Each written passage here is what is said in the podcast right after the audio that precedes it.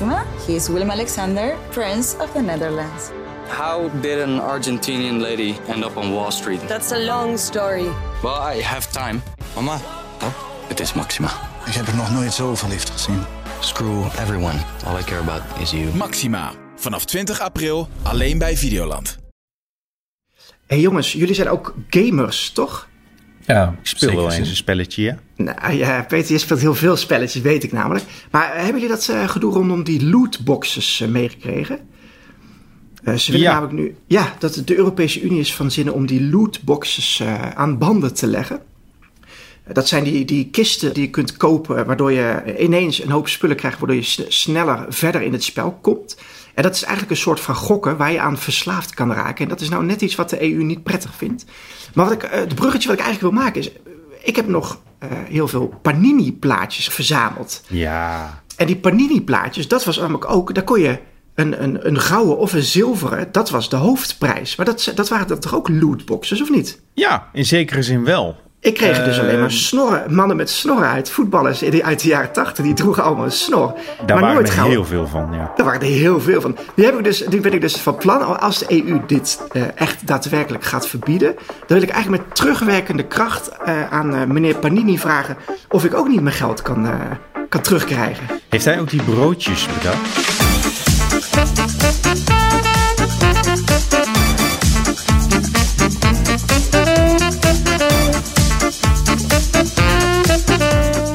Hallo, hallo, hallo en welkom bij Bankplakkers, de podcast over alles wat er te zien is vanaf jouw bank op alle streamingdiensten. Mijn naam is Gijsbert en mijn favoriete acteur uit de jaren 80 is Michael J. Fox. Hoi hoi, ik ben Peter Koelewijn en mijn favoriete jaren 80 acteur is Robert De Niro. Want ja, kijk eens naar zijn jaren 80 filmlijst. Daar ga je gewoon van, van watertanden. En ik ben Ruben Praster en mijn favoriete acteur uit de 80s is Harrison Ford. En waarom, dat hoor je in deze special. Ja, klopt, want we hebben inderdaad een, eh, een special. Ja, eh, deze podcast is van eh, Veronica Superkite. Normaal tussen haakjes bespreken we wekelijks wat er uitkomt op streamingdiensten, zodat jij precies weet wat je wil kijken als je op de bank neerploft. Dit is het einde van, het einde van het jaar, of in ieder geval, we gaan binnenkort een zomerstop in. Dus wij hebben bedacht, laten we een special gaan doen. Laten we gaan kiezen wat nou de juiste of de beste jaren 80 eh, film is geweest ooit. En dan kun je daar een eh, bankplakkersstempel op zetten. En we hebben het al wel eens eh, eerder geroepen. Filmmakers zijn op zoek naar Oscars. Maar als ze horen dat de bankplakkers hebben uitverkozen tot de beste jaren 80 film. Ja, dan heb je pas echt wat om op je mantel eh, te zetten. hey jongens, we hebben hier wel wat. eh, in de aanvang na deze special al wel wat discussie over gehad. En een van de pijnpunten was van ja, wat, wat zoeken we nou eigenlijk? De beste film of de film die het meeste jaren 80 uitstraalt? Hoe zaten jullie, eh, hoe zat jij daarin, Ruben? Ik ben heel erg van... De 80s is natuurlijk gewoon een tijdperk en daar horen films bij. Gewoon echt de film waar iedereen naartoe gaat. Dus dan zit je al heel snel bij de blockbusters. Dus daar eh, ging inderdaad eh, eh, mijn keuze vooral naar uit. Wat zijn de, de iconische 80s films? Zonder dat het per se de beste is. Ja, ik, ik vind dat de jaren 80 is ook wel een bepaald stijltje. Ik, ik, heb het zelf niet heel erg actief meegemaakt. Ik eh, zat toen nog aan de borst. Maar ik heb wel eens eh, de theorie gehoord van... in de jaren 80 had je voor het eerst dat de samenleving... echt volledig afhankelijk begon te worden van elektronica. En er was een soort van grenzeloze ambitie van... weet je, alles, alles kan tegenwoordig. En als het niet dit jaar kan... dan gaan we volgend jaar wel naar de maan toe of zo. Dat, dat gevoel dat zit ook wel in bepaalde jaren 80 films. In ieder geval in de goede jaren 80 films die nu nog steeds eh, besproken worden. Ja, nou ja, wij gaan er straks een aantal bespreken. En ik heb dat inderdaad als notitie erbij gezet. Dat er fantastische jaren 80 elementen in zitten. Nu ga ik al een beetje, eh, niet iets van mijn eh, films spoilen. Maar dat mensen nog gewoon roken bijvoorbeeld. Dat vind ik eigenlijk, ja, het, het is niet goed dat ik het zeg. Maar het is, ik vind dat fantastisch om te zien dat ze gewoon binnen in een kantoorpand. Of gewoon in de woonkamer. Gewoon die, die, of in een vliegtuig. Ja. eh, een sigaret opsteken. Dat mocht toch ja. Ja, en, en als tegenwoordig iemand rookt in een film, dan weet je, oh ja, dat is de boef. Ja, hey, wat, ehm, die, eh, dat, dat is bijvoorbeeld, kijk, eh, wij hebben ook onze collega's om input gevraagd. Marie kwam zelf met Dirty Dancing. Nou ja, die heeft het niet, net niet gehaald. Maar dat is wel een, een, iconische, een iconische film uit de jaren geweest. Wat willen we doen, jongens? Zullen we even uitleggen hoe het werkt, zo'n special? Voor de luisteraars die eh, misschien in de afgelopen maanden zijn aangehaakt en nog nooit ons een special hebben horen doen. Ja. Of wil jij, Peter, eh, wil jij eerst... Want dat is wel traditie, dat jij een, een, een, een, een woordenlijstje bijhoudt. Of in ieder geval eh, slechte grappenlijst. Mag ik het slecht noemen? Het, het zijn grappen. en weet je, humor is subjectief.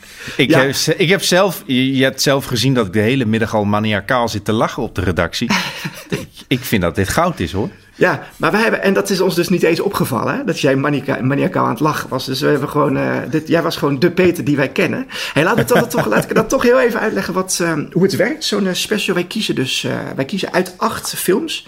En dan gaan we eigenlijk via een tennisschema, gaan we terug naar, eh, naar vier. Naar twee, om uiteindelijk eh, de winnaar te kiezen. Ieder van ons heeft eh, een aantal films, of we zijn samen tot een lijstje van acht films gekomen. Maar ieder van ons verdedigt, en verdedigt is tussen haakjes hoor, zijn eigen film. Eh, waarbij we dus de anderen proberen over te halen om toch eh, maar de film die wij dan hebben gekozen door te laten gaan. Eh, het is niet heel moeilijk, je kunt het luisteren en dan weet je nou, vrij snel wat, wat de beste jaren 80 film is ooit ever. Maar Peter, ik denk dat het leuk is als we nu even overschakelen naar jou, want jij hebt de hele middag maniacaal zitten lachen op de redactie. Dus ik ben wel benieuwd waarom dat was. Oké, dit is dan de lijst van jaren 80 films die een eervolle vermelding krijgen, maar het net niet gehaald hebben. Art, mag ik even een eh, lollig muziekje eronder hebben? Dankjewel. Oké, Dirty Dancing, je noemde hem al even. Maar wij hadden niet the time of our lives met deze. The Shining. Stephen King vond de film niks, dus wij ook niet. Die Hard vinden wij meer een kerstfilm dan een jaren 80 film. Scarface zegt nee tegen drugs en deze film. Airplane, beste jaren 80 film. Surely you can't be ser- serious. Amadeus, ja, Amahula. Bill and Ted's Excellent Adventure, eh compleet bogus. The Little Mermaid. We wachten wel op de live-action film. Full Metal Jacket. Ja, we vonden die drill sergeant gewoon veel te gemeen. Evil Dead 2. Het boek was beter. Purple Rain. Het album was beter. Aliens. Game over, man. Game over. Big. Als ik een jonge ziel in een ouder lichaam wil zien, kijk ik wel in de spiegel. The Blues Brothers. Waar wij haten blues, zo simpel als dat. Once Upon a Time in America. Hij duurt 4 uur, maar het voelt als 8 aan. The Road Warrior. Om mad van te worden. My Neighbor Totoro. Ik heb al een harige buurman en daar is niks magisch aan, kan ik je vertellen. An American Werewolf in London overleefde de Brexit niet. The Thing is niet echt ons ding. En tot slot, The Terminator is getermineerd. Of zoals Arnold zelf zou zeggen, fuck you asshole. Hele, je hebt een hele goede Arnold in jou, eh, Peter. Ja, we, eh, we hebben wel wat discussies gehad hoor, eh, over eh, onder andere die laatste, de Terminator. Die hebben wij, en ik zal straks even het, het lijstje van acht films roepen die wij op onze shortlist hebben staan. Maar we hebben heel lang gediscussieerd over de Terminator of Robocop. Ehm, waarbij Ruben op de Terminator zat en, en Peter op Robocop. Peter, waarom heb jij het uiteindelijk gewonnen? Ja, ik zal niet heel, ik zal niet mijn hele relaas erover uitspreken, maar ja, Robocop, dat is denk ik een leuk bruggetje naar 2022. Die film voelt gewoon steeds relevanter aan. Ik zeg niet dat we letterlijk in de wereld van Robocop leven, maar als je kijkt naar de grappen die Paul Verhoeven toen maakte in die film al en de opmerkingen die hij had over de Amerikaanse politie, ja, die, die, die film die, die kijkt nog steeds als een trein weg. En hij is, eh, de satire is harder dan ooit. Hey Ruben, die, die jaren tachtig worden niet echt beschouwd als de, de, de golden eh, era of, eh, of Hollywood. Hè? Is, is het niet zo dat die jaren tachtig eigenlijk een beetje, ja, toch een schimmige plek waar, eh, was, waren, waar... Het wordt niet als heel supergoed beschouwd, toch? Het, is meer dat ze. De jaren zeventig was echt de tijd van de filmmaker. De, de geniale regisseurs die carte blanche kregen om hun meesterwerk te maken. Zoals een Godfather en een Apocalypse Now. Weet je, het Chinatown. Weet je, echt die, die prachtige, epische, grootse films. En de 80s was meer de, de tijdsperk van de publieksfilms. Weet je, en Star Wars speelde daar ook een, een grote rol in. Waardoor iedereen had van... hey, je kan een heel groot publiek trekken naar een eh, bioscoop... en er ook nog een keer eh, speelgoed van maken. En eh, op die manier heel veel geld verdienen. Ze ontdekten toen ook een beetje dat, hé, hey, uh, kinderen hebben ook een besteedbaar inkomen. En ze zijn een stuk minder kritisch dan volwassenen. ja, en, en op zich vind ik wel dat, dat de ethisch wel echt heel veel gewoon heerlijke films hebben. Gewoon die je keer op keer kan kijken. En, The Godfather, dat kijk je niet. Die kan je wel meerdere keren kijken, maar sowieso moet je daar echt de tijd voor nemen. En in de mood zijn voor The Godfather. Maar uh, een Back to the Future, een Ghostbusters, een E.T. Ja. Weet je, dat zijn ook lekkere zaterdagavondfilms. Dat heeft, het, ze hebben allemaal echt epische filmfragmenten opgeleverd. Laat me het lijstje, want jij uh, bent het gras voor onze voeten aan het wegmaaien. Is niet erg, Ruben. Ik, uh, ik ga gewoon een lijstje af van 1 tot 8. Ehm, en dat zijn de films die tegen elkaar gaan strijden. Hoe framed Roger Rabbit? Die neemt het straks op tegen Back to the Future. Daarna neemt uh, Ghostbusters het op tegen The Empire Strikes Back.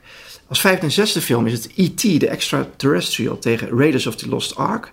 Uh, en uh, tot slot Robocop tegen Blade Runner. Het zijn een aantal fantastische films. ik denk dat iedereen ze gewoon allemaal heeft gezien. Dus daar hoeven we ons geen zorgen om uh, te maken. Uh, maar de eerste, de eerste twee die tegen elkaar gaan strijden, en dat zijn eigenlijk Peter uh, tegen Ruben. Peter heeft Who Framed Roger Rabbit geclaimd.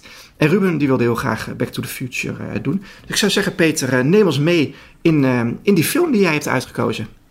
Alright. Ja, het is, het is wel een, een grappige strijd tegen elkaar. Want deze films komen van dezelfde regisseur, Robert Zemeckis. Dus uh, de jaren tachtig waren echt zijn, uh, zijn tijdperk. Hij heeft daarna nog wat, uh, nog wat meer grote films gemaakt, zoals Forrest Gump en ook de horrorfilm The Polar Express. Dus ja, hij, hij, hij, doet nog steeds dingen, maar Who Framed Roger Rabbit is naar mijn mening misschien wel zijn beste film. Het is nog steeds magie.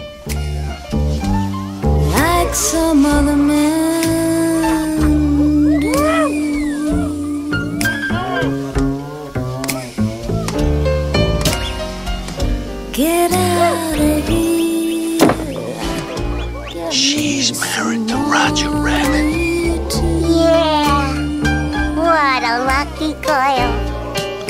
We hadden sowieso een discussie over de jaren 80 qua animatie. Van we wilden wel een animatiefilm hierin hebben, maar ja, Disney zat toen best wel in een dipje.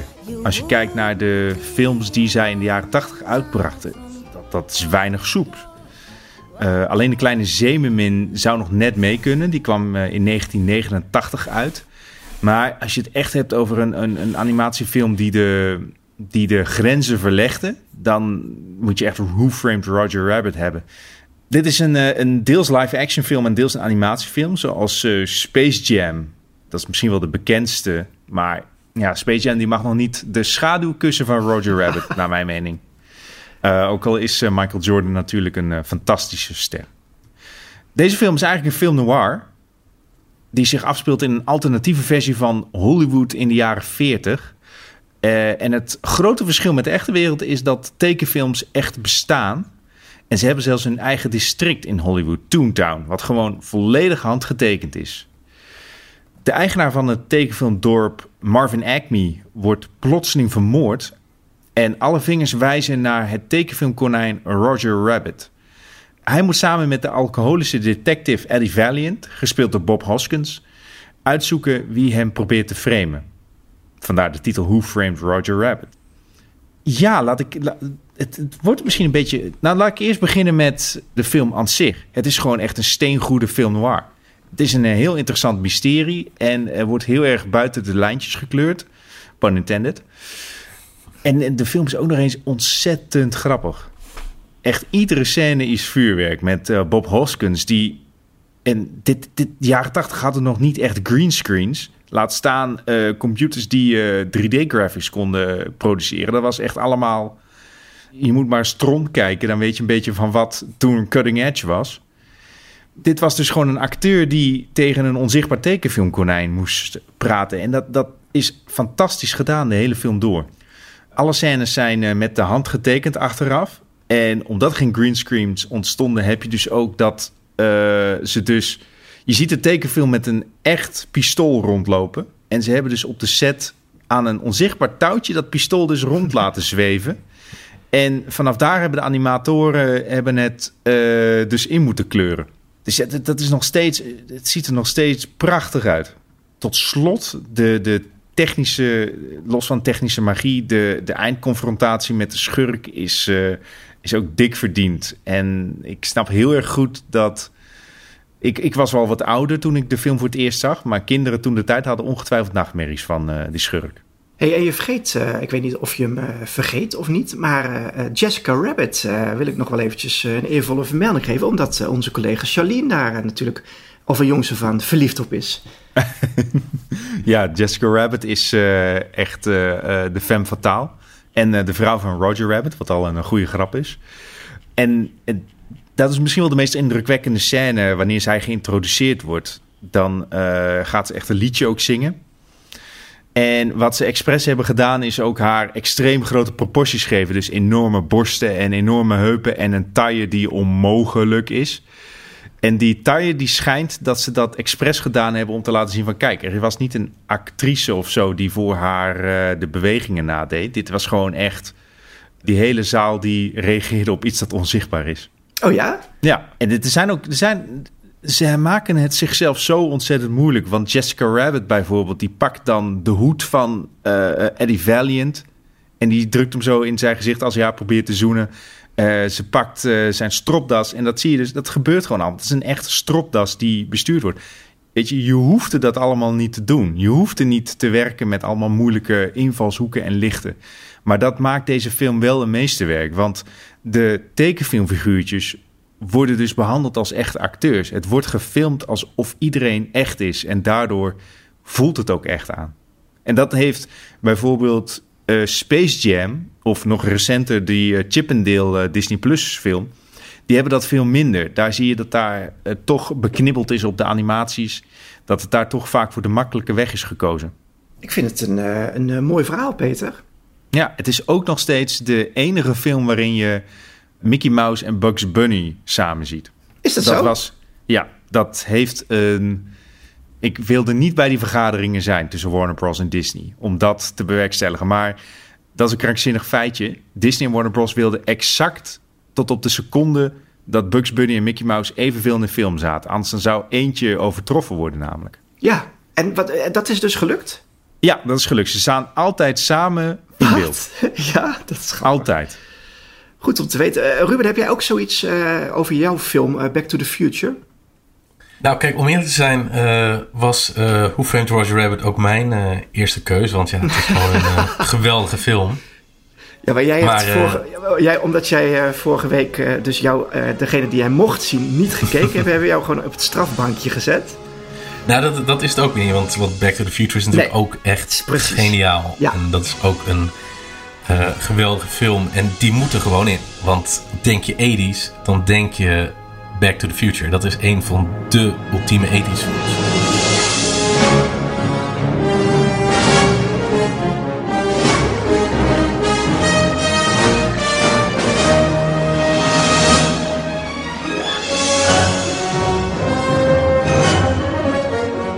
tot op de dag van vandaag zie je de impact van Back to the Future. Je hoeft maar één keer uh, Rick and Morty te kijken en je ziet gelijk, oh ja, Back to the Future. Er zit bijvoorbeeld ook in, uh, volgens mij is het 10.000 Ways to Die in the West van uh, Seth MacFarlane. Oh ja. 10 Million. Wauw, dat, is, dat, dat is echt obscuur, ja. Ja, er zit dus ook een heel klein grapje in van... het speelt zich af in het Wilde Westen. Iemand doet een, een schuurdeur open en ziet daar Doc Brown met de DeLorean als een verwijzing naar eh, Back to the Future 3. En het is een film die ook zoveel andere filmmakers heeft geïnspireerd. En die nog tot op de dag van vandaag nog uh, voer is voor memes. Er is ook geen uh, enkele Comic-Con of uh, fan-event voor geek dingen... waar niet een DeLorean staat of een DeLorean ergens te koop is. Precies, en, en die, de DeLorean is gewoon ook een, een auto die... Nou ja, niet heel goed was, maar nee, het, was, icoon. het was de meest waardeloze auto in de jaren tachtig. Dus dat was eigenlijk al een grap op zich dat, dat hij een DeLorean had uitgekozen voor zijn tijdreismachine. Ja, en, en daar zit dan ook weer een gedachte achter van... Um, de, de keuze, dat is eigenlijk wel een geinig uh, uh, weetje. Het eerste idee in het script was de tijdmachine als een koelkast. Hmm. En de angst was dat kinderen dus in de koelkast zouden gaan kruipen. Met het idee van wij gaan Back to the Future spelen. Dus toen hadden ze het idee van oké, okay, dan gaan we voor een auto. Maar ja, welke auto uh, gaan we? Toen dachten ze, weet je wat, we doen een DeLorean. Want de DeLorean lijkt het meest op een ruimteschip. en uh, nou, voor iedereen die het verhaal niet kent, uh, het gaat dus over uh, een jonge Marty McFly, gespeeld door Michael J. Fox. Zijn beste vriend is een knettergekke uitvinder genaamd Doc Brown. En hij heeft een tijdmachine gemaakt. En dat is een DeLorean. En als je snel genoeg gaat, dan kan je terug in de tijd reizen. Nou, dat gaat natuurlijk helemaal mis. En Marty komt terug in de tijd in de jaren 50. En hij ontmoet zijn ouders die uh, dan nog leeftijdsgenoten van hem zijn. En wat op zich een beetje creepy is, is dat zijn moeder dan verliefd op hem wordt. Dat is wel heel creepy. Ja. Dat is een beetje wel het, uh, het, het, minpuntje aan die film. Nee, Michael J. Fox dat is hadden ze ook uh, op een iets andere manier kunnen doen. Ja, maar het wordt wel voor, voor, voor de lol gespeeld, toch? Voor grappen. Ja, ja, ja. Het, is, het is niet dat hij ook verliefd wordt op zijn moeder. Het is gewoon puur voor uh, de ongemakkelijke momentjes. Maar het is wel de crux van, van de film, toch? Ja. Want hij komt daardoor serieus in de problemen. Ja, dus dat is gewoon echt. Dus het, het is een opstapeling van, van issues, van problemen, gecombineerd met gewoon lekker ouderwets avontuur. Dat je hebt Marty op de vlucht voor uh, criminelen en, en Marty die. Uh, aan de, aan de auto hangt met zijn skateboard. Weet je, dat soort, dat soort uh, scènes zitten erin. En ja, dat, dat, dat maakt het een, een hele fijne combinatie van humor, drama, een beetje klucht, actie, avontuur. En uh, ja, daarna nog twee vervolgen die ook allemaal heel erg goed waren. Zelfs de, zelfs de pestkop vind ik uh, misschien wel de beste jaren tachtig pestkop. Gewoon, het is, het is ook een parodie op het hele concept. Ja, en, en, die toon die zit er zo lekker in. En daarin zie je ook wel van Robert Zemeckis was gewoon, zeker in die tijd, een hele vooruitstrevende regisseur die gewoon echt op zoek ging naar nieuwe dingen om te maken. Nieuwe special effects. Hoe kan je iets moois maken? Hoe kan je, en wat ja. kan je daarmee binnen het verhaal? Het is niet alleen mooie plaatjes. En dat zie je nu bij zijn werk van nu is het heel vaak van mooie plaatjes en de rest, uh, dat, uh, dat zal me wel. Bijvoorbeeld de horrorfilm Polar Express. Waarin het, waarin het dus puur gaat om uh, de mooie plaatjes van ja, wat kan je ermee? Ja. En vroeger was het gewoon echt van hoe zorg je ervoor dat de special effects het verhaal nog uh, versterken. En ja. dat, uh, dat doet hij geweldig met. Veel praktische effecten ook, merkte ik bij Roger Rabbit al. Ja. Dus daardoor verjaren ze ook beter dan hele vroege computeranimaties van toen de tijd mijn favoriet is Back to the Future 2. Omdat ze dan echt naar de future gaan. Het magische 2019. Wist je nog dat wij toen hoverboards uh, hadden, Ruben? Zijn inmiddels weer uit de mode, maar... Ruben en uh, Peter, ik, heb je, ik, ik hoor uh, goede verhalen, maar het, we komen toch bij een moeilijk moment, denk ik. En dat is om te kiezen wie wij door laten gaan naar de, de, volgende ronde. Is dat dan Who Framed Roger Rabbit of is dat dan Back to the Future? Ehm, ik heb mijn eigen keuze heb ik al wel. Maar daarmee zet ik jullie misschien voor een uh, voldongen feit. Zullen we dat gewoon doen? Dat ik gewoon roep, uh, dat ik heel hard roep wat ik heb. En dat jullie daarna, dat we via mij en Peter bij Ruben aankomen.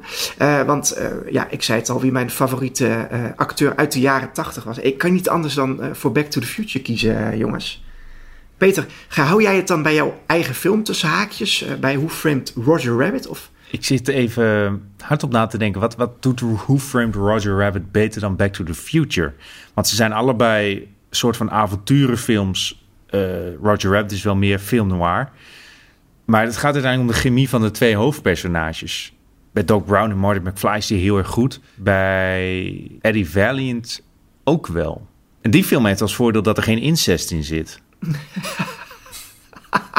Bedoel, dat, Ja, dat, dat, Eh, dat, weegt ook wel mee. Dat, dat is een streepje voor eh, de andere film. Dat klopt. Ja. Dat, eh, dat, daar houden wij altijd rekening mee. De film heeft zelfs als, als schurk dan heeft, zit Doc Brown erin. Want hij speelt ook Judge Doom. Ik denk dat het puur op de soundtrack dat ik dan eh, toch eh, Back to the Future een beetje la- harder laat meewegen. Want laten we het daar ook nog even over hebben. De muziek van Back to the Future is ook fantastisch. Ja. Echt gewoon, er zit wat popmuziek in. Hoe heet het nummer? Power of Love is ook een, echt een kraker. En de, de main theme van al die Back to the Future films is ook heel erg iconisch.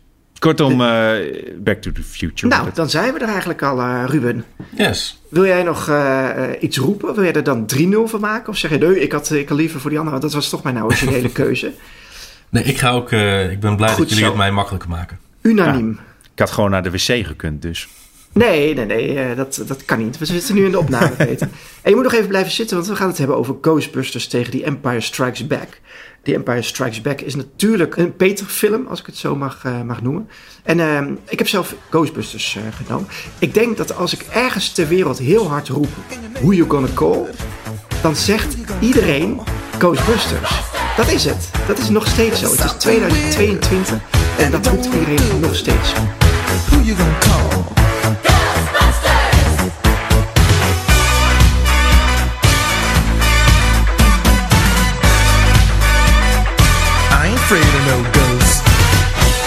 Deze film uit 1984 alweer. Heeft nog meer eh, iconische elementen opgeleverd. De thermonucleaire versnellers bijvoorbeeld. eh, of de neutronenwerpers. Ja, die zijn eh, bij iedereen, staan ze natuurlijk op het netvlies gebrand. De guitige groene geest Slimer. Het reusachtige marshmallow mannetje Stay Puft. Ja, iedereen ziet die door New York stampen. Maar laat ik nog heel even terugpakken op het, op het verhaal. Drie professoren die zich hebben gespecialiseerd in paranormale verschijnselen worden werkloos. En zij richten een bedrijf op dat zich bezighoudt met de bestrijding van spoken en geesten. Wanneer er een eh, portaal naar een andere dimensie wordt ontdekt, is er meer dan genoeg werk voor deze Ghostbusters. Want de dolgedraaide geesten zorgen voor veel chaos in New York. Eh, de Ghostbusters die worden, nou ja, zoals bekend wellicht, eh, uitbundig vertolkt door Bill Murray, Dan Aykroyd, Ernie Hudson en Harold Ramis. Die in actie komen als Sigourney Weaver hen om hulp vraagt. En een extra komische noot wordt gevormd door Rick Moranis. eh, dat is die sukkelige buurman van... eh, eh, van Sigourney Weaver. Als jullie je oud willen voelen, dat voelde ik me namelijk wel. Want Sigourney Weaver, dat, die komt uit 1949. Daar eh, schrok ik zelf wel eventjes eh, van. Ehm, ja, de, de film werd oorspronkelijk geschreven door hoofdrolspeler Dan Aykroyd. Het was namelijk eigenlijk de bedoeling dat Aykroyd en John Belushi het samen zouden spelen. Als een voortborduren op hun succesvolle samenwerking in The Blues Brothers. Eh, maar door het overlijden van Belushi zijn de plannen omgegooid. Regisseur Ivan Reitman raakte erbij betrokken. En hij vroeg of Harold Ramis het, het script samen met Aykroyd wilde herschrijven. Nou ja, jullie weten wat, wat daarvan is gekomen. Een bruisende komedie met vakkundige special effects. Heerlijke vertolking en een adem, adembenedende climax. Eh, het succes van de film kreeg een extra impuls door, het, eh, door de titelsong, dat een, eh, een, een gigantische wereldhit werd. Genomineerd voor de Oscar voor Best Visual Effects en Best Originele Muziek. En ja, ik zou eigenlijk willen zeggen, sowieso een, een geestige film. Heel mooi. Ja, toch? Hey, die- wat, ik, wat, ik, wat, ik, eh, wat me erg opviel, eh, dat, ze dus, eh, dat ze dus in die film gewoon keurig allemaal aan het roken zijn. Maar ook dat ze een secretaresse hebben en dat, dat zij gewoon keurig nog dingen opschrijven met pen en papier. Dat, dat, dat ziet er nu ook al echt heel raar uit. En die, die Bill Murray, ja, dat, hij, hij moest voor, in de film voor, voor de droge humor zorgen. En dat was toen ook echt wel, denk ik, het, het, het, het geval. Alleen als je nu die film terugkijkt, wat ik dus heb gedaan, ja, is het gewoon echt een, een onuitstaanbaar karakter. Is het gewoon een hele vervelende man. En snap je niet dat Sigourney Weaver ook maar überhaupt nadenkt om met hem op date te gaan. Dat heeft de tand destijds eh, dus, eh, dus niet Ja. goed, eh, niet goed doorstaan. Maar Ja, verder, ja, Het viel, het, viel me, het viel me ook op in de, de laatste film, Ghostbusters Afterlife. Zit er zelfs nog een post-credit scène waarin ze het inderdaad ook een beetje recht breien van dat Bill Murray inmiddels eh, flink onder de plak zit bij eh, Sigourney. ja. Ze, zijn, ze zijn nog wel samen, maar hij doet in, in deze film een eh, testje met studenten of te kei- om te kijken of ze kaarten kunnen lezen. En dan krijgen ze een schokje als ze het fout Ja. hebben. En in de nieuwe film moet hij dat doen. En dan moet hij de kaarten lezen van Sigourney. ja. Met alle schokken van die. Ja, en dat is ook eigenlijk wat hij, hij de- dat, schok, dat schokkende testje, dat doet hij dus in het voordeel van een knappe vrouw. Ja. Eh, dat is ook eigenlijk al, ja, 2000, in 2022 word je gewoon gecanceld als je hiermee een film opent. Het kan gewoon niet meer. Maar goed, het is Ghostbusters, dus ze, komen er, eh, ze kwamen er in 1984 eh, uitstekend mee weg. Ja, Dus en in de andere scènes is hij wel hilarisch. ja, hij is natuurlijk sowieso ook een van mijn favoriete acteurs. Dus ik, ik, ik vond het een feest om, om naar te kijken. Eh, en dat zeg ik, het heeft zoveel iconische eh, filmfragmenten opgeleverd. eh, dat, dat, ik, dat ik hier wel echt heb, heb zitten genieten. Peter, de, The Empire Strikes Back. Ja, ik hield netjes mijn mond om, om te hebben over cutting edge special effects en zo. Maar wat ik eigenlijk wilde schreeuwen was van... ja, de Empire Strikes Back gaat daar natuurlijk dik overheen. Dit jaren 80 vervolg op, uh, op Star Wars... dat in de jaren 70 eigenlijk een beetje de hele Amerikaanse filmindustrie... Uh, op zijn grondvesten deed schudden. Dit vervolg is eigenlijk superieur in ieder opzicht.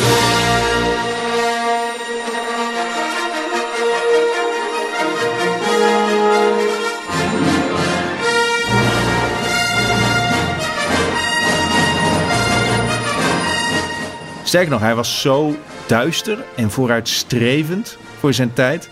dat de meeste fans, inclusief George Lucas, aanvankelijk een hekel hadden aan de film. Het is een beetje van wat de, de, een paar jaar geleden The Last Jedi ook veroorzaakte bij fans. Die was ook verrassend op heel veel manieren. En dit ding met bepaalde personages waar de fans het ook niet mee eens waren. Alleen gelukkig in de jaren tachtig uh, hadden fans nog geen internet... Dus uh, ze konden lekker voortborduren op uh, concepten zoals Darth Vader, die eigenlijk Luke Skywalkers vader bleek te zijn. Het feit dat de helden de hele film lang een soort achterhoedegevecht uh, houden.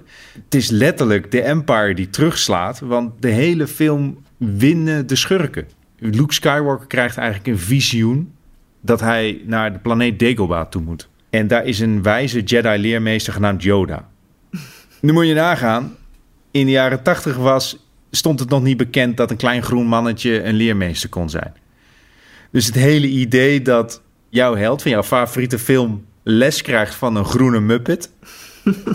ik weet niet wie dat bedacht heeft, maar ik ben blij dat we, het had, dat we het kregen. Want inmiddels hebben we Baby Yoda gekregen. Dus alleen daarom is dit al een van de beste jaren 80 films. Uh, maar dat wil, ik, uh, dat, dat wil ik eigenlijk als conclusie trekken. The Empire Strikes Back is nou, algemeen geaccepteerd de beste Star Wars film ooit. Omdat het het hele avonturengenre op zijn kop zette. Het, het verdiepte de Star Wars wereld. En het durfde nou, een, een heel duister, meer volwassen verhaal te vertellen kan niet anders zeggen dan dat als deze niet doorgaat naar de volgende ronde, dan... Uh... Dan stop je met werken? Ja, dan loop ik gewoon boos weg. ja, ik vind het ook een prachtig pleidooi uh, voor, uh, voor deze film. Ruben, jij, jij stond net voor een voldongen feit toen het eigenlijk al 2-0 was en jij nog mocht kiezen. Laten we dan nu bij jou beginnen dit keer. zou jij kiezen voor de Ghostbusters om door te laten gaan naar de volgende ronde of kies je voor The Empire Strikes Back? Nou, ik vind Ghostbusters een hele leuk film het probleem met Ghostbusters is dat er eigenlijk maar één leuke film van is. Want twee was al een flop en ik ben ook geen fan van Afterlife. En laten we het maar niet hebben over de, de reboot uh, van Ghostbusters. En met Star Wars is het zo dat eigenlijk die hele, de hele serie, de hele reeks, iedere Star Wars film ooit gemaakt, heeft The Empire Strikes Back in het achterhoofd. Yoda, uh, de, de, de avonturen die beleefd worden, de steden waar ze naartoe gaan. De eerste Star Wars was eigenlijk niet heel veel locaties.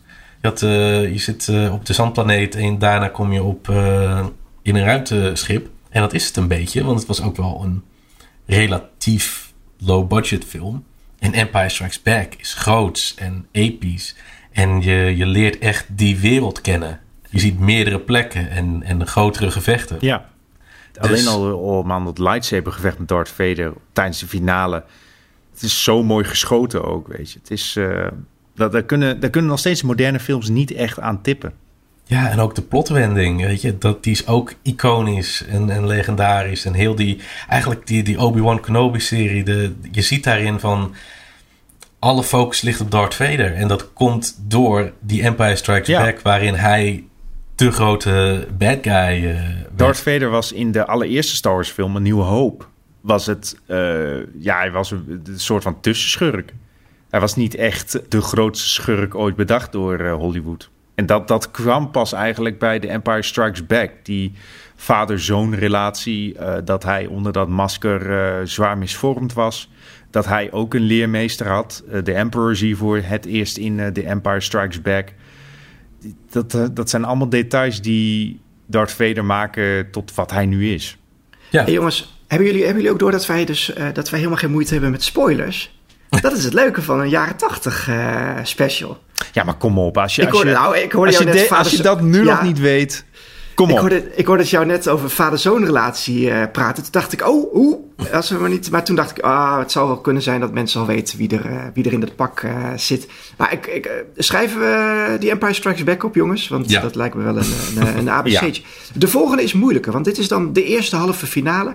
En dan horen de luisteraars volgende week, ja, als ik het zo mag zeggen, de rechterkant van het toernooi. Dat, en Natuurlijk die- mag je dat zeggen. Als ik het zo mag zeggen, de rechterkant. De rechterkant. En, ehm, maar nu eh, moeten we eerst bepalen wie dan dus de eerste finalist wordt. En dan nemen Back to the Future eh, eh, neemt het op tegen The Empire Strikes Back. Ja, voor mij zit daar dan toch ook al wel eigenlijk een, een duidelijke winnaar in. Is er iemand aan het twijfelen? Ik twijfel. Oké, leg eens uit.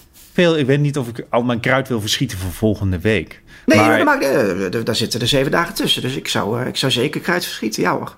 Nee, maar als- ik kijk naar de gelijkenissen, Back to the Future en The Empire Strikes Back, het zijn allebei trilogieën. Het zijn Ja. allebei schreeuwende jaren tachtig eh, eh, voor mij. Ik kan ze vanavond opzetten en dan weet ik, ik heb een topavond. Ja. Dus dit, is, dit, dit wordt heel moeilijk, Gijsbert. Ik, moet tussen twee van mijn kinderen kiezen. Ik weet, het, ik weet het antwoord, maar ik kan niet met mezelf leven. Als ik het hardop zeg. Ja, zo, dit, is ook, eh, dit is ook wat deze podcast is. Hè. Keihard. Ruben, eh, hoe, hoe ben jij aan het eh, nadenken hierover? Ik denk dat het voor mij wat makkelijker is, omdat ik zoiets heb van de een is flawless en de ander heeft wel wat flaws. En de flaws die heb ik net eigenlijk al benoemd bij Back to the Future. Oh, oh ga- Ruben, je vergeet het belangrijkste gelijkenis. Ze hebben allebei incest. ja, Leia die kust Luke in Ja. Empire Strikes Back. En ze, ja, ze hadden toen nog niet op het idee gekomen van... ja, Leia heeft ook eh Precies. force-krachten. Maar dat deed ze om Han Solo jaloers te maken. Ja, goed punt. Dus dat, dat, dat, en, en Luke had zoiets van, huh? Wat? Het is wel je favoriete acteur natuurlijk. Ja, Harrison Ford. Daar moet je indruk op maken. Ruben, eh, gaan we Peter uit zijn eh, lijden verlossen? Want ik denk dat als wij twee hetzelfde kiezen, dan, eh, dan, hoeft, dan hoeft hij het niet tussen twee kindjes te kiezen. Wat is jouw, jouw uiteindelijke keuze om naar de, de, de eerste film die naar de finale gaat? De mijne is Star Wars. Dat Empire Strikes Back. Ja, Peter, dan, dan ga ik jou voor een voldongen feit stellen. Dan hoef je dus niet te kiezen. En dan zijn die twee films voor altijd nog steeds jouw kindjes. Want eh, ja, die Empire Strikes Back, die moet het gewoon. eh, Die moet in die finale staan. Als je, als je een jaren tachtig eh, special maakt over de beste film... dan is die Empire Strikes Back denk ik wel een, een, een duidelijke finalist. This is heavy, maar ik accepteer het. Gelukkig.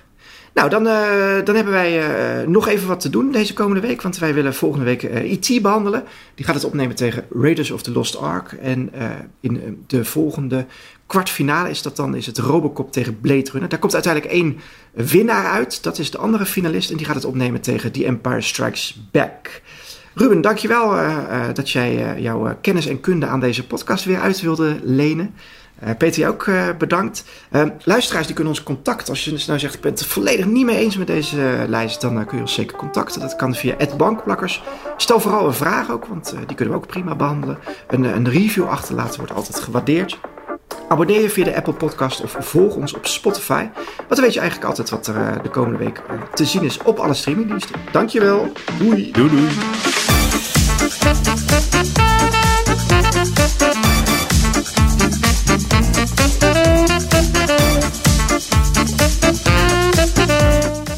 Bankplakkers is een podcast van Veronica Superguide. Die warme stem die je hoort is van Peter Koelewijn. Onze editing wordt gedaan door geluidsgoer Art Kok. Mijn naam is Gijsbert de Fokkert. Tot de volgende!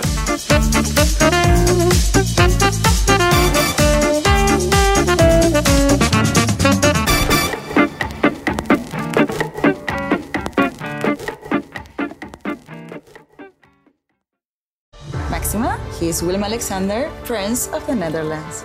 How did an Argentinian lady end up on Wall Street? That's a long story. Well, I have time. Mama, oh, het is Maxima. Ik heb er nog nooit zo verliefd gezien. Screw everyone. All I care about is you. Maxima. Vanaf 20 april alleen bij Videoland.